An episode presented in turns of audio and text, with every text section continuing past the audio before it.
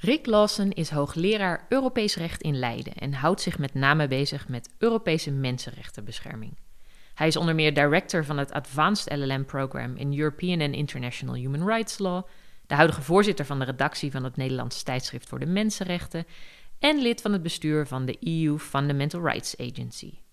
Met hem praat ik over het hoogst actuele thema de Poolse rechtsstaat en de EU. Of eigenlijk hoe de Poolse rechtsstatelijke problemen niet alleen zorgen voor een conflict met de Europese Commissie, maar ook worden veroordeeld binnen de Raad van Europa en in termen van mensenrechten. Hoe moeten we de recente uitspraak van het Poolse Constitutionele Tribunaal zien? Wat staat ons nog meer te wachten? En waarom is de huidige situatie zonder precedent en echt een gevaar voor het Europese systeem van mensenrechtenbescherming? Rick vertelt er alles over en gaat daarbij ook in op de rol van de politiek en die van Nederland. Dit is Ons Goed Recht, de Nederlandse podcast over grondrechten. Ik ben Ingrid Leijten, universitair hoofddocent staatsrecht in Leiden. En je luistert naar het tweede seizoen van mijn podcast, waarin ik wederom op zoek ga naar de rol en betekenis van onze meest fundamentele rechten. Samen met experts uit de wetenschap en praktijk probeer ik vragen te beantwoorden als hoe werken grondrechten en hoe vertalen we ze van papier naar de werkelijkheid. Hartelijk welkom Rick. Uh, Dank je wel dat je uh, een keertje mee wilt doen met mijn podcast. Jij bent natuurlijk echt een, uh, een mensenrechtenmens. We kennen elkaar ook vanuit de redactie van het, uh, van het NTM, het onderwijs in de master, Advanced LM, European International Human Rights Law in Leiden. Wat ja, vindt zo iemand als jij nou fascinerend aan grondrechten? Um, vraag een, um, een vis om te vertellen wat hij nou zo lekker vindt aan water. Mm -hmm. Um, maar ik wist dat ik deze vraag zou krijgen, dus ik heb er wel een beetje over nagedacht. Ik denk dat er een, um, een, een, intuïtieve, emotionele kant aan zit en een meer intellectuele kant. Die, die intellectuele kant, en dat zal iedere jurist denk ik wel herkennen, mm. is dat je door over grondrechten, mensenrechten te praten, um, op allerlei fascinerende dilemma's van het recht komt. Je hoeft je niet op te sluiten in het bestuursrecht of het strafrecht, maar je gaat eigenlijk van het een naar het ander. Het is afwisselend en allerlei grote vragen uh, vertalen zich in juridische vraagstukken. Hoeveel ruimte laat je voor diversiteit tussen landen? In hoeverre uh, houd je vast aan het idee dat, dat dezelfde rechten voor mensen in verschillende culturen moeten gelden? Allerlei, allerlei grote juridische vragen zijn leuk en, en blijven boeien. En um, mm. ik denk dat, dat de jurist in mij het, het een interessant voorwerp vindt om, om over na te denken. En er zit ook een, een meer intuïtieve kant aan, die natuurlijk lastiger is om, om bij jezelf te duiden. Maar wat ik wel weet is dat, dat het echt heel lang teruggaat. Ik zat nog op de middelbare school, mm. schreef 1980, um, en ik was 15. Um, en toen werd er in uh, El Salvador, in Midden-Amerika, een, een, man vermoord, bisschop Romero.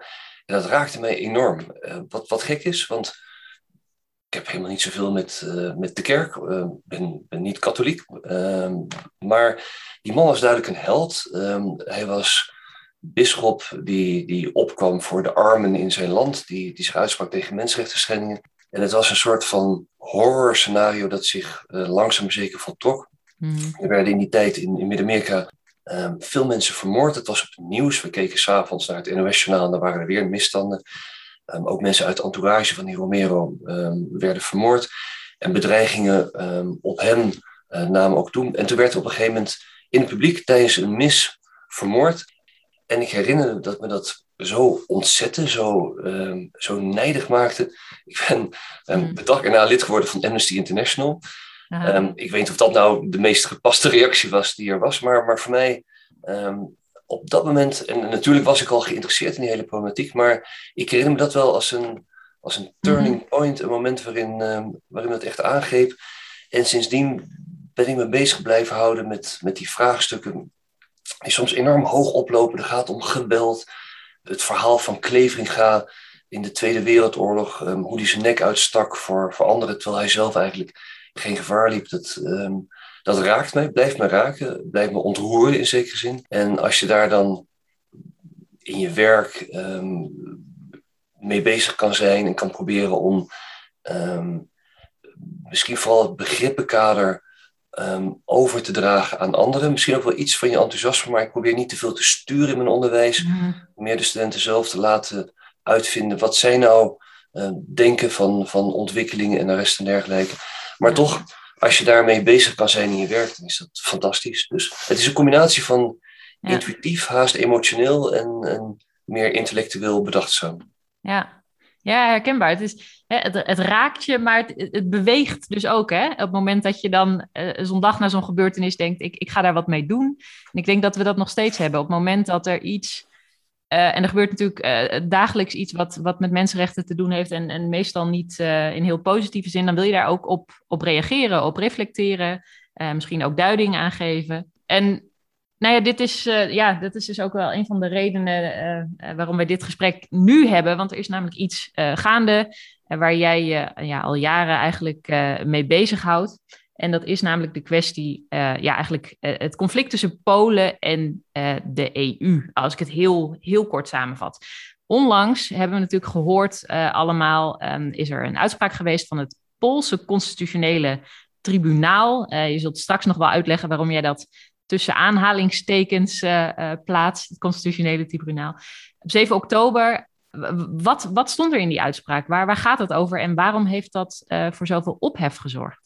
Ja, um, nou ja, dat, dat heeft iedereen denk ik ook in de krant kunnen lezen. Er is, er is heel veel gezegd en geschreven de afgelopen weken over de situatie en het conflict tussen Polen en de Europese Unie.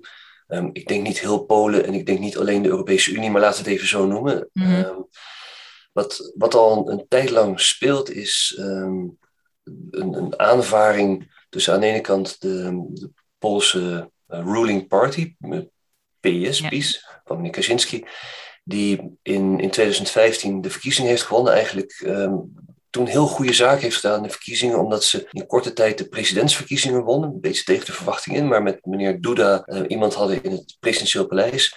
En mhm. daarna ook de uh, verkiezingen voor het parlement wonnen, de Sejm. Um, terwijl ze ook een meerderheid hadden in de Senaat.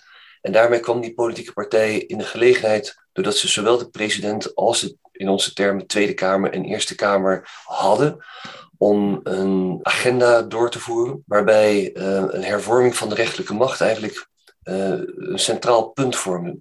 Kaczynski, de, de, de, grote man van PiS, was eerder lid geweest van, uh, van de regering, was eerder aan de macht geweest, had toen een aantal hervormingen willen doorvoeren, maar stuitte daarbij op de, de rechtspraak in zijn land, die allerlei maatregelen terugvloot omdat die ongrondwettig waren of in strijd waren met bijvoorbeeld mensenrechten. Dus toen PiS aan de macht kwam in, in 2015, hebben ze eigenlijk vanaf het allereerste moment, letterlijk vanaf het allereerste moment, geprobeerd om die, die rechtelijke macht in hun greep te krijgen. Um, zelf hebben ze ook wel argumenten voor. Um, ze zeggen, en, en de statistieken geven daarin gelijk, dat de Poolse rechterlijke macht niet efficiënt is. Er zijn relatief veel rechters die relatief veel geld kosten, maar relatief weinig zaken afwikkelen. En op allerlei punten is er uh, kritiek geweest, um, ook voor 2015, op de Poolse rechtspraak. En eigenlijk zegt PiS, we moeten de boel opschudden, moderniseren. Er zitten inefficiënte rechters, die procedures moeten ook anders en dergelijke. En daar komt nog bij, zegt Pies, dat er um, veel rechters zijn die nog in de communistische tijd zijn benoemd. En die eigenlijk proberen om, om een modernisering van de samenleving tegen te gaan. Dat, dat, is, dat is het argument van, van Pies. En in dat kader hebben ze een hele serie maatregelen genomen. Um, dat begon met de samenstelling van het Constitutioneel Tribunaal, waar een aantal leden in is benoemd die in ieder geval volgens de critici, volgens de oppositie en volgens allerlei internationale organen, niet in overeenstemming met het geldende Poolse recht in hmm. dat tribunaal zijn, zijn gevormd. Vandaar um, dat, dat er nu al wordt gezegd dat het constitutioneel tribunaal is niet een echte rechter meer, is niet onafhankelijk hmm. meer, is een tribunaal tussen aanhalingstekens. Mm. Iets wat wordt betwist door de Poolse regering. Nou, dat begon eind 2015 al um, een beetje te, te sudderen. Um, de Europese Commissie Ehm, was daar heel snel bij. Frans Timmermans, de Nederlandse vicepresident van de commissie, had ehm, een portefeuille waarin ook de rechtsstaat zat. Ik denk dat toen hij lid werd van de Europese Commissie, hij daar helemaal niet zo heel veel gewicht aan toekende.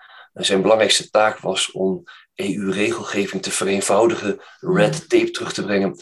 Ehm, maar de rechtsstaat zat er ook bij. En al in januari 2016 trok hij in Polen aan de bel en zei: Wat, wat is er gebeurd in de afgelopen maand? Het was toen allemaal heel vers. En er is toen een, een, een dialoog ontstaan. Dialoog is de Brusselse term voor de discussie die, die toen ontstond. Mm waarin de Europese Commissie geprobeerd heeft om de, de veranderingen die zich in Polen voltrokken in goede banen te leiden, terug te draaien, af te remmen, et cetera. Ja. En sinds 2016, eigenlijk tot uh, twee weken geleden, 7 oktober, zie je een, een toenemende spanning op de lijn Warschau-Brussel. Um, waarbij uiteindelijk, um, nadat er allerlei tussenstappen zijn geweest die we hier niet hoeven te noemen, de Poolse regering aan dat constitutioneel tribunaal heeft gevraagd: kunnen jullie ons nou eens vertellen, mag de Europese Unie zich hier wel mee bezighouden? Um, is de inrichting van de rechtelijke macht niet een kwestie van soevereiniteit, van interne aangelegenheden? heeft de Europese Unie hier überhaupt iets over te vertellen? En surprise, surprise, het Constitutioneel Tribunaal, waarvan de critici dus zeggen dat zit in, in de zak van de regering, mm. heeft de regering gelijk gegeven en heeft de regering verteld wat zij graag wilde horen. Dat bleek ook uit de hoorzittingen voor het Constitutioneel Tribunaal in, in dit proces. Op de ombudsman na betoogden alle staatsmachten dat de Europese Unie niets te zoeken heeft op het punt van, van de hervorming van de rechtelijke macht. Nou ja, dat is in de notendop de, de, de uitspraak. Ja. Ehm, die is wel geframed, die, die wordt wel gezien als een uitspraak over de verhouding tussen Europees Unierecht mm. en nationaal recht, nationaal constitutioneel recht. Een vraag naar voorrang, welke rechtsorde is nou belangrijker? Um, maar ik denk dat de essentie daar niet in ligt. De essentie ligt eerder in um, de vraag: heeft de Europese Unie iets te zeggen over de onafhankelijkheid en inrichting van de rechtelijke macht in, in een lidstaat of niet. En het Constitutioneel Tribunaal zegt nee, daar gaat de Unie niet over. En de Unie ziet, dat, uh, ziet het anders. Ja. ja, precies. Want uh, heldere toelichting. Je, uh, er wordt ook wel de vergelijking gemaakt hè, door sommige mensen van, nou ja, met bijvoorbeeld de uitspraken van het Bundesverfassungsgericht in, in Wijs. Hè, meer discussie tussen EU-hoven en nationale hoven over uh, nou, bepaalde uitleggingen, uh, wie gaat te ver, uh, wie niet. maar die vergelijking loopt dus mank ook wat jou betreft. Ja, laat ik, laat ik vooropstellen, het, het, mooie van de Europese integratie is denk ik dat de macht gespreid is. Ik aarzel een beetje bij het woord macht, maar um, als je denkt aan de wetgevende macht, de uitvoerende macht, de rechtsprekende macht, heb je een um, tamelijk ingewikkeld, um, maar, maar ook wel sophisticated stelsel, waarbij er wordt samengewerkt tussen het Hof van Justitie en nationale rechters, tussen de Brusselse wetgever en de, de nationale wetgever. Dat is een heel systeem van checks en balances, wat we mhm. vroeger Montesquieu op nationaal niveau hebben ontwikkeld en verfijnd. Mm. Daar is eigenlijk een hele dimensie bijgekomen. En ik vind het in dit verband helemaal niet zo gek dat ehm, ook de, de positie van het Hof van Justitie, of in ieder geval de uitspraak van het Hof van Justitie, niet altijd voor zoete koek worden geslikt en dat er ook wel eens vragen bij worden gesteld. Het is alleen maar gezond ehm, en ehm, dat, dat houdt iedereen scherp. Als aan het eind van de dag maar duidelijk is hoe bevoegdheden en verantwoordelijkheden zijn verdeeld, dan is het helemaal niet zo'n ramp als een nationale rechter een keer zegt, nou, die uitspraak van het Europees Hof voor de Rechten van de Mens of van het Hof van Justitie van de Europese Unie, daar kan je ook anders over denken. Ik heb er mijn vragen bij. Mhm. Ehm, en er zijn ook weer middelen om die, die vragen en spanningen ehm, op te lossen. En dat het Bundesverfassungsgericht in die zaak Wijs, die je noemde, zijn vraag heeft gesteld bij, bij de uitleg van het Unierecht. Iedereen is er erg van geschrokken, of veel mensen zijn er erg van geschrokken. Mhm. Ehm, en dat begrijp ik ook wel, maar het is niet het einde van de wereld. En wat er in Wijs gebeurde, was eigenlijk alleen maar dat het, de Duitse constitutionele rechter zei: um, Ik zie niet goed hoe het Hof van Justitie nou in zijn uitspraak, die eraan vooraf ging, belangen heeft afgewogen. Mhm. Of dat nou een goede proportionaliteitstest is die is uitgevoerd.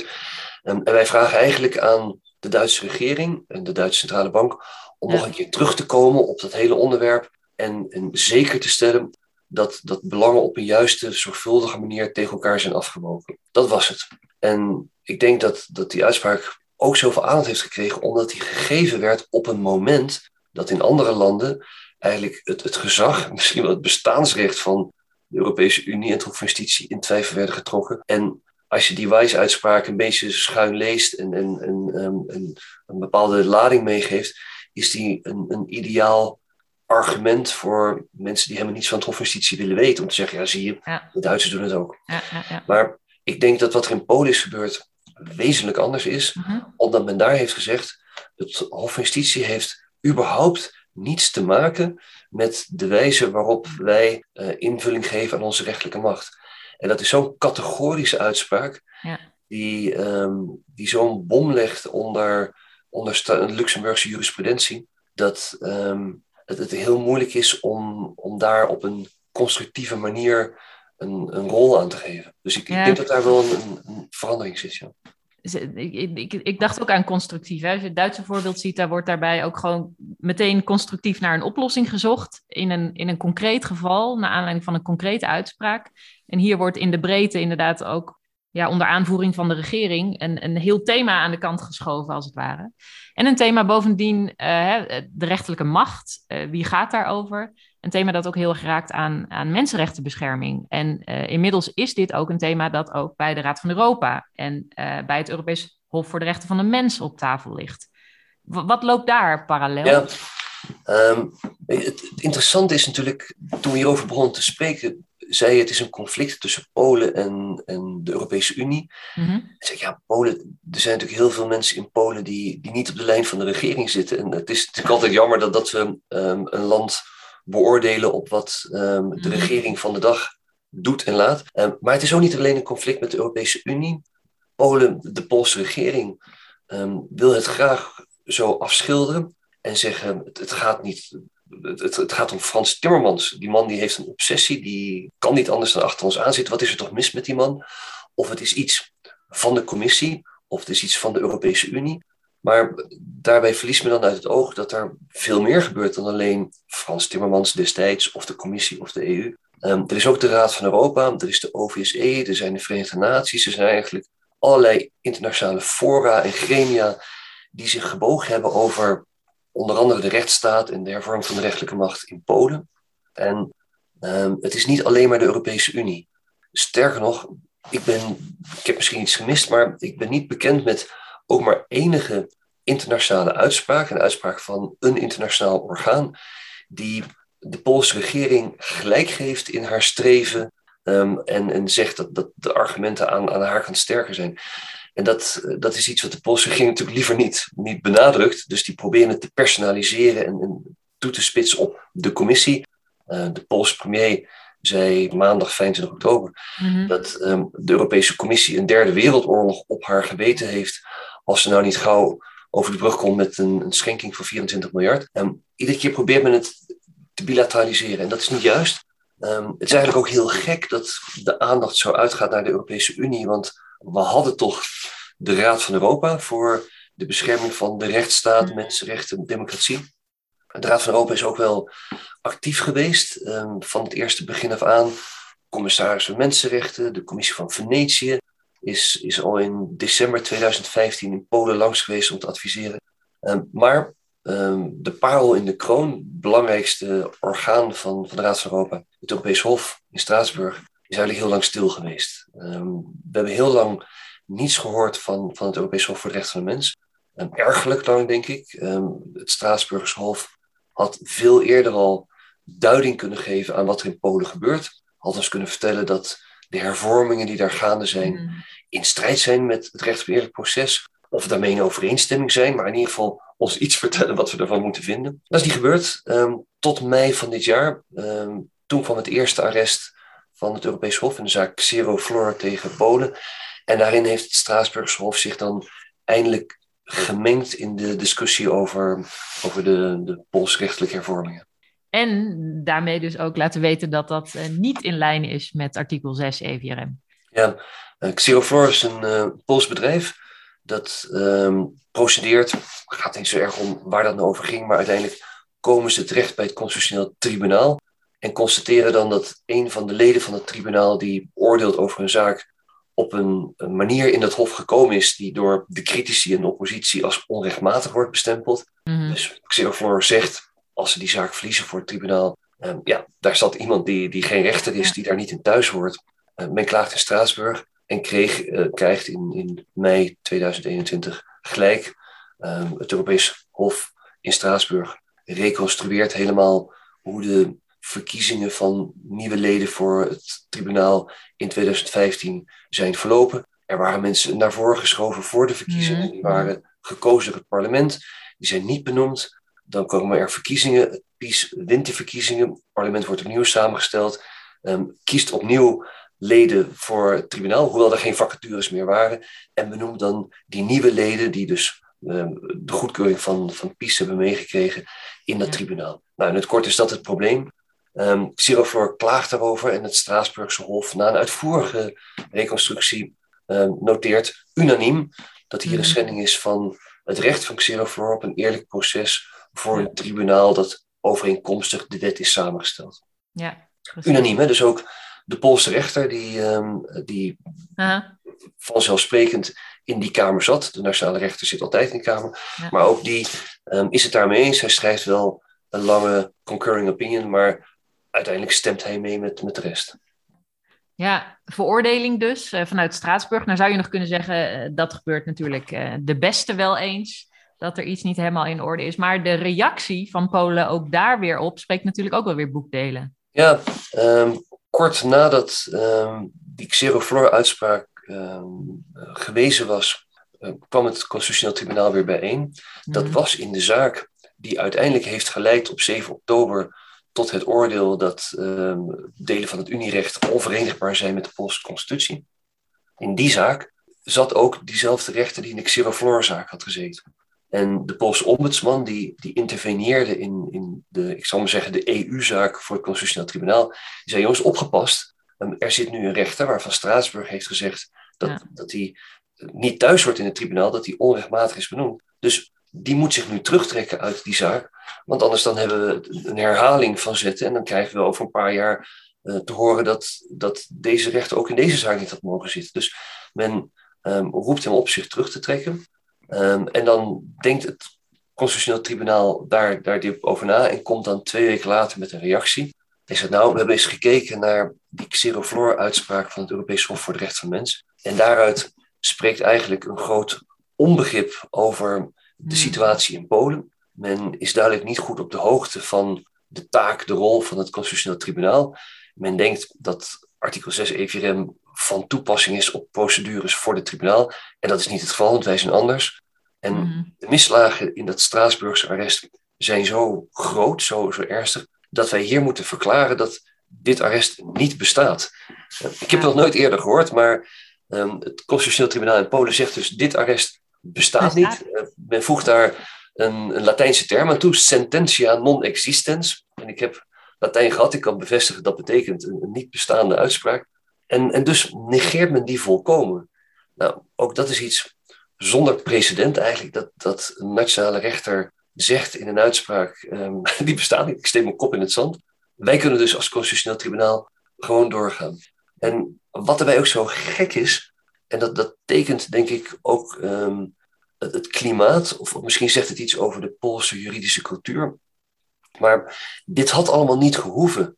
Um, het is in Straatsburg zo, als een Kamer een uitspraak doet, zoals in die Xeroflor-zaak, um, dan staat het partijen vrij, zowel de klager als de verweervoerende staat, staat het vrij om een herziening van die uitspraak te vragen aan de Grote Kamer. Er zitten dan niet zeven, maar zeventien rechters in. En gedurende drie maanden mag een van de partijen, of allebei de partijen, vragen aan die Grote Kamer: um, kijk nog een keer naar, naar deze zaak, want hier zit echt iets helemaal verkeerds in. Er is een argument als de Kamer heeft het eigene van de procedure voor het Constitutioneel Tribunaal miskend. Um, hier wordt een fout gemaakt. Dat is nou typisch een argument dat je naar voren kan brengen voor de Grote Kamer. En dan horen we van de Grote Kamer of die Kamer in eerste instantie het bij het rechter eens had of niet. Nou, die, die Xeroflor-uitspraak die is van mei. Dus dat betekent dat de Poolse regering ervan uitgaande dat ze niet happy was met die uitspraak, tot eind augustus de tijd had gehad om die zaak voor herziening voor te dragen. Um, tot die tijd is de uitspraak van de Kamer niet definitief, want er staat nog de mogelijkheid van, laten we zeggen, beroep mhm. open. En als er zo'n beroep wordt ingesteld, dan kijkt een panel van vijf rechters in Straatsburg ernaar of die herziening moet plaatsvinden of niet.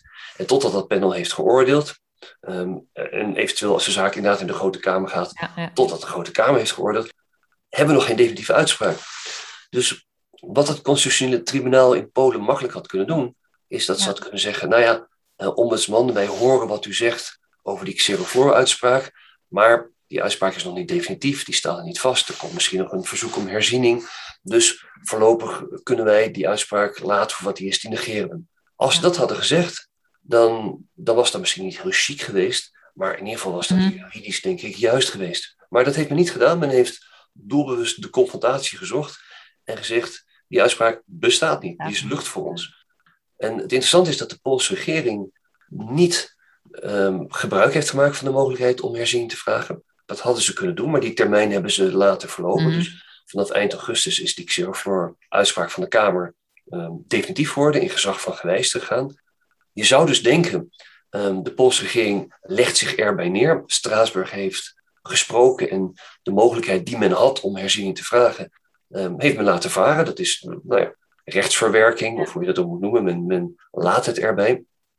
Maar wie schetst mijn verbazing? En daarom is ons gesprek ook Ehm, op een wel, wel heel interessant moment. Ehm, twee dagen geleden hoorde ik tot mijn verbijstering dat de Poolse regering nog eens een keer naar het constitutioneel tribunaal is gegaan en heeft gevraagd om een oordeel over de vraag: is eigenlijk artikel 6 EVRM wel in overeenstemming met de Poolse grondwet? Dit is dus een herhaling van die EU-zaak.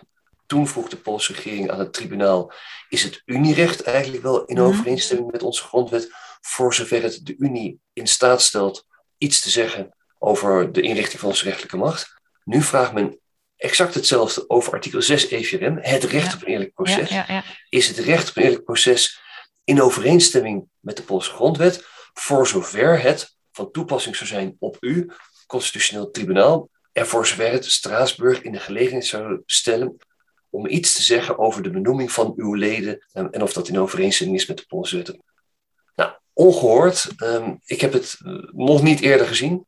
Um, de uitkomst laat zich eigenlijk wel uh, raden. Want hm. inmiddels is ook bekend welke vijf rechters van het Constitutioneel Tribunaal deze zaak gaan beoordelen. Ja. En laat nou het geval zijn, vier van de vijf zaten in de Kamer van het Tribunaal die eerder al heeft gezegd, de Xeroflor-uitspraak is mm -hmm. non-existent. Want daar, daaruit spreekt een grote onkunde over het Poolse recht. Ja. En de vijfde rechter was de rapporteur in de EU-zaak. En die heeft ons dus al verteld dat het Unierecht niet boven het Poolse constitutionele recht gaat als het gaat om de inrichting van de rechtelijke macht. Dus ja, 24 ehm, november gaan we het horen. Dan, dan vindt een hoorzitting plaats en dan is of op dezelfde dag of kort daarna ehm, het oordeel bekend van het Constitutioneel Tribunaal over ehm, artikel 6 EVRM. Ja, ongehoord inderdaad. Ik denk dat je mooi de, de breedte van de, de strijd ook laat zien. Hè? Waar we vaak focussen op dat conflict met de, met de commissie, uh, met de EU. Uh, eh, wat ook natuurlijk enorm fundamenteel is, zie je dat ook in die context van, van het ERM, eh, van de Raad van Europa. Echt fundamenteel aan de wortels wordt gezaagd van dat, dat hele mensenrechten systeem. dus niet dat je zegt, inderdaad, we hebben een uitspraak um, die bevalt ons niet, we gaan in beroep. Uh, maar dat je zegt, we, we verklaren die gewoon voor niet bestaand, negeren dat volledig en gaan nu ook eens oordelen over of we überhaupt vinden dat uh, artikel 6 hier van toepassing moet zijn. Dat is inderdaad um, ja, zonder precedent. Heb jij enig idee waar, waar dat heen gaat en ook wat, wat de reactie... Hè? We hebben natuurlijk al meerdere inbrook procedures gehad. Uh, we moeten tegelijkertijd ook rekening met houden met nou ja, wat eventuele sancties of economische sancties voor gevolgen hebben voor de Poolse bevolking in bredere zin. Zie jij uh, waar dit heen gaat? Nee. Um, we komen natuurlijk nu in contraien die we niet eerder zijn tegengekomen. Um, decennia lang hebben we met, met grote tevredenheid tegen elkaar gezegd, jij en ik, maar, maar überhaupt men, dat, dat na de Tweede Wereldoorlog er een, een fantastisch systeem uh, in Europa is gecreëerd om, om mensenrechten te beschermen. Uh, waarbij je best kritiek kan hebben natuurlijk op individuele uitspraken, maar, maar het systeem dat, dat is opgebouwd um, in eerste instantie in de Raad van Europa, waar Polen na de val van de Berlijnse muur en het uiteenvallen van het Warschau-pact met graagte ehm, is toegetreden. Daarna begon ook de Europese Unie zich te bemoeien met de bescherming van mensenrechten. Door de instellingen, maar, maar ook door de lidstaten. Dus wij dachten toch dat wij een bouwwerk zonder weerga um, hadden gecreëerd. geen enkel tribunaal ter wereld, geen enkel hof behandelt zoveel uitspraken als het Straatsburgse. En, en, mm. spreken met zoveel gezagrecht. En dat wordt nu allemaal ter discussie gesteld. En laten we eerlijk zijn, niet alleen in Polen, maar er zijn meer landen. Um, dat, nou ja, noem het maar op. Turkije, Rusland, Azerbeidzjan, Hongarije, um, Slovenië nu. In Roemenië, Bulgarije zijn problemen. Uh, maar ook in West-Europa. Ehm, het, het, Verenigd Koninkrijk rammelt uh, gestaag aan, aan de ketting. Dat zijn we een beetje gewend van het VK. Want dat was in de jaren 70, 80 en 90 ook al wel zo. Maar um, je ziet toch iedere keer terugkomen een neiging taking back control, wat het bij de Brexit-campagne uh, kennelijk goed deed bij de Britse kiezers. Dat gevoel van, van we moeten af van die, die banden van, um, van het internationale toezicht. Dat zie je op verschillende plaatsen de kop opsteken.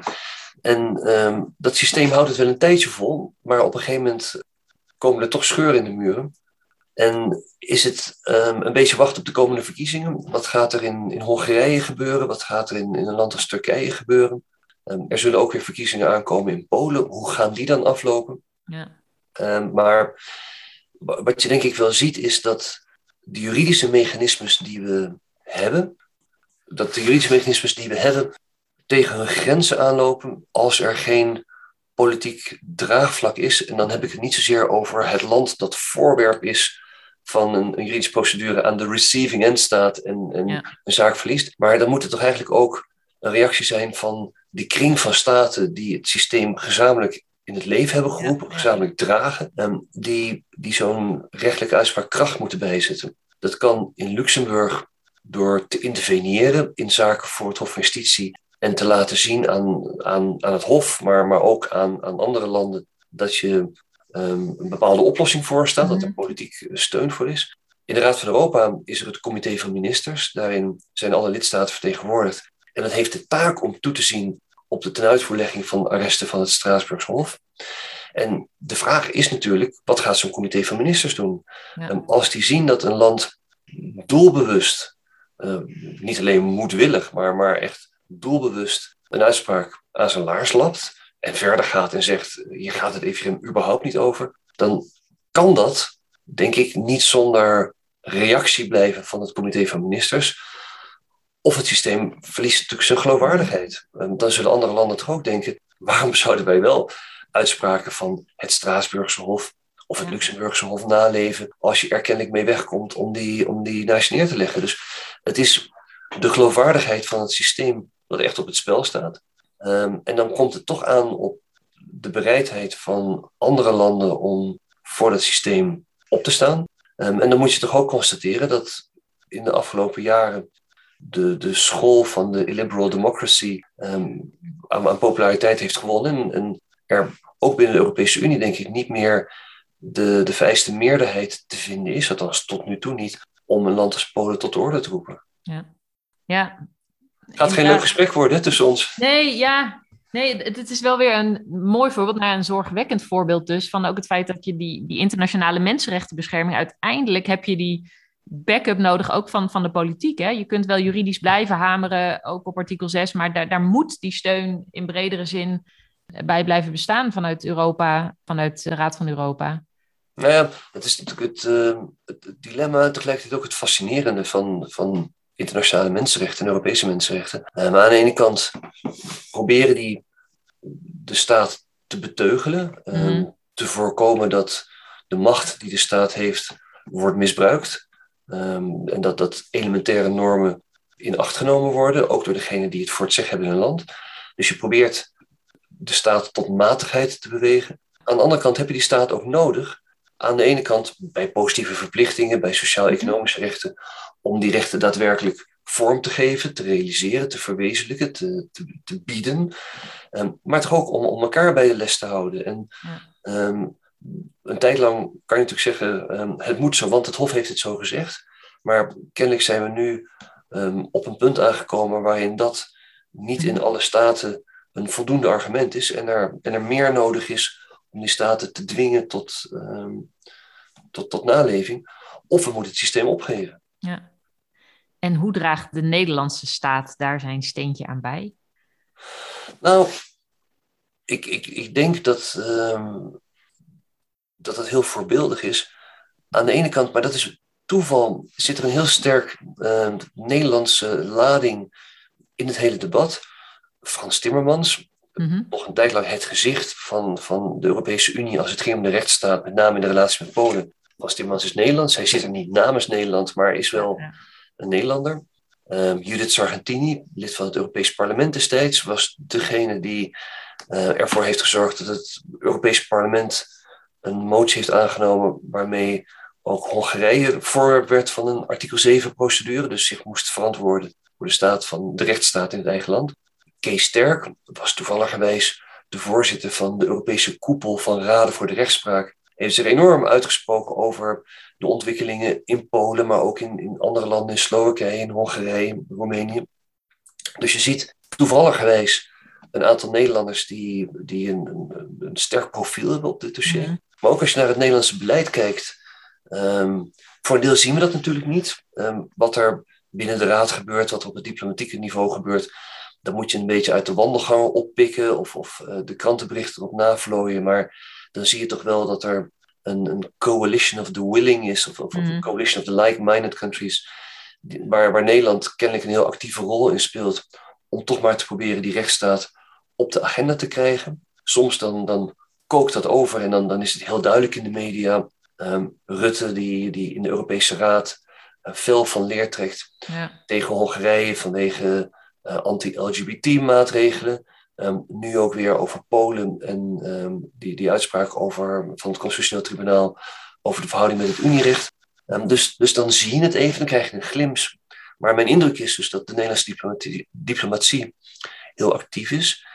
En wat je ook wel ziet, en dan zijn we als juristen wel dichter bij huis, is dat in procedures in Luxemburg voor het Hof van Justitie, mhm. Nederland met België en, en, Scandinavische landen buitengewoon actief is als het gaat om het interveneren, um, inbreukprocedures van de Commissie tegen Polen, Nederland, België, Denemarken, um, Zweden, Finland interveneren dan toch wel heel vaak. Um, soms het ene land, soms het andere land, maar, maar je ziet wel dat die landen er echt mee bezig zijn. En ik denk ook dat minister Blok, in de tijd dat hij nog verantwoordelijk was voor buitenlandse zaken, we zitten natuurlijk nu in een, rare fase, maar dat hij toch eigenlijk wel een, een heel actieve rol heeft gespeeld. Mm.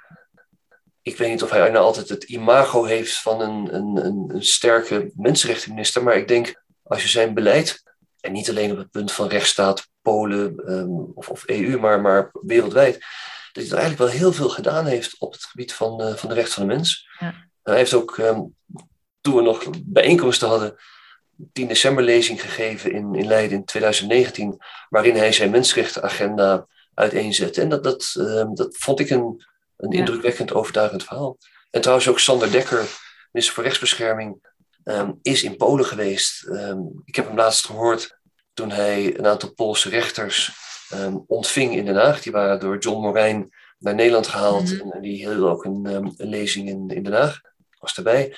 En ook, ook Dekker zeer uitgesproken over de ontwikkelingen. Dus ik denk dat, dat Nederland doet wat het kan. Dat het probleem misschien eerder een te veel aan Nederland dan een te weinig aan Nederland is. Mhm. um, op het moment dat een land, of het nou Denemarken of, of Nederland is, geïsoleerd is. En eigenlijk als enige iedere keer verschijnt, dan wordt het wat makkelijker voor de andere kant om te zeggen, ja, daar heb je die Nederlanders weer, die hebben kennelijk iets. Die hebben kennelijk iets met ons, die hebben de pik op ons. Wat is het toch met die Nederlanders? Um, georganiseerde linkse hysterie, schreef de Hongaarse ambassadeur onlangs. En, en om dat te voorkomen, moet je denk ik proberen om een coalitie te smeden die zo breed is, dat niet alleen Nederland een beetje uit de wind blijft, dat vind ik minder belangrijk, maar vooral om te laten zien dat het een breed gedragen gevoel is. Ja. Daarom is het ook zo interessant wat er net in Turkije is gebeurd. En, en ik begrijp, deze podcast zal tot het eind der dagen op internet te vinden zijn. Maar herinnering, tien ambassadeurs brengen gezamenlijk een, een verklaring uit waarin ze de Turkse regering oproepen om meneer Kavala vrij te laten. Kavala gearresteerd, um, zit al vier jaar vast. Europees Hof voor de Rechten van Mens heeft geconstateerd dat er geen enkele redelijke aanleiding was om hem te arresteren, ook naar Turks recht niet. Heeft zijn vrijlating gelast. Hmm. Is niet gebeurd. Het comité van ministers dringt bij Turkije herhaaldelijk aan, iedere drie maanden, laat meneer Kavala vrij. Um, en dat, datzelfde signaal wordt door tien ambassadeurs uh, naar voren gebracht, tot grote woede van uh, president Erdogan. Um, die, die zegt, die mensen die moeten maar vertrekken, die zijn niet welkom in mijn land, bemoeien zich met interne aangelegenheden. Dat is juridisch gezien onjuist, het is geen interne aangelegenheid, maar ook um, het is natuurlijk veel lastiger voor Turkije om ja. tien ambassadeurs uit te wijzen dan om er eentje uit te pikken. En ik denk dat het in dat opzicht dus een, een, een sterk vertoon was van, van eenheid. Um, en, en je ziet ook dat die, die maatregel, zo gauw het enigszins kon, is, um, is afgeblazen. Nou, datzelfde zou in de Europese Unie ook belangrijk zijn. Um, ik denk de strijd van de komende maanden, natuurlijk een diplomatieke strijd. Mhm. Verder wil ik, wil ik dat, dat soort termen liever niet gebruiken. Maar de, de inspanningen zullen er de komende maanden op gericht zijn om ook Frankrijk en Duitsland, de, de twee grootmachten waarvan het duidelijk is waar ze staan in het debat over de rechtsstaat, om die tot een actievere houding te mhm. bewegen. Om die nou ook eens te laten interveneren in zaken voor het Luxemburgse Hof, doen ze tot nu toe niet. Maar het zou denk ik wel gewicht toevoegen als ze daar ook zouden komen. Ja, boeiend. En uh, dat wordt dus allemaal nog heel, uh, heel spannend. Als ik het een klein beetje samenvat, hè, een, een, conflict wat uh, zowel de EU als de Raad van Europa betreft, duidelijk raakt aan de kern van mensenrechten. Want als die onafhankelijke rechtspraak niet op orde is, nou ja, waar, waar gaat het dan heen? met zeker ook een rol voor Nederland en voor de andere EU-lidstaten, lidstaten van de Raad van Europa, om dat systeem staande te houden. Dankjewel voor jouw uitgebreide toelichting daarop. Voor het mooie ja, linkje ook met, met de mensenrechten, met de Raad van Europa. Wil jij tot slot nog iets, iets kwijt? We gaan een beetje naar een afronding uh, toe. we hebben al vreselijk veel gezegd. We hebben vooral natuurlijk gesproken over Polen. Um, terwijl, terwijl er in heel veel meer landen dingen mis zijn, laat dat duidelijk zijn. En ik denk dat het feit dat we het zoveel over Polen hebben ook is omdat um, de Poolse cultuur Ehm, er, er wel een is van eh, confrontaties niet uit de weg gaan. Mhm. Ehm, dat, dat is iets wat.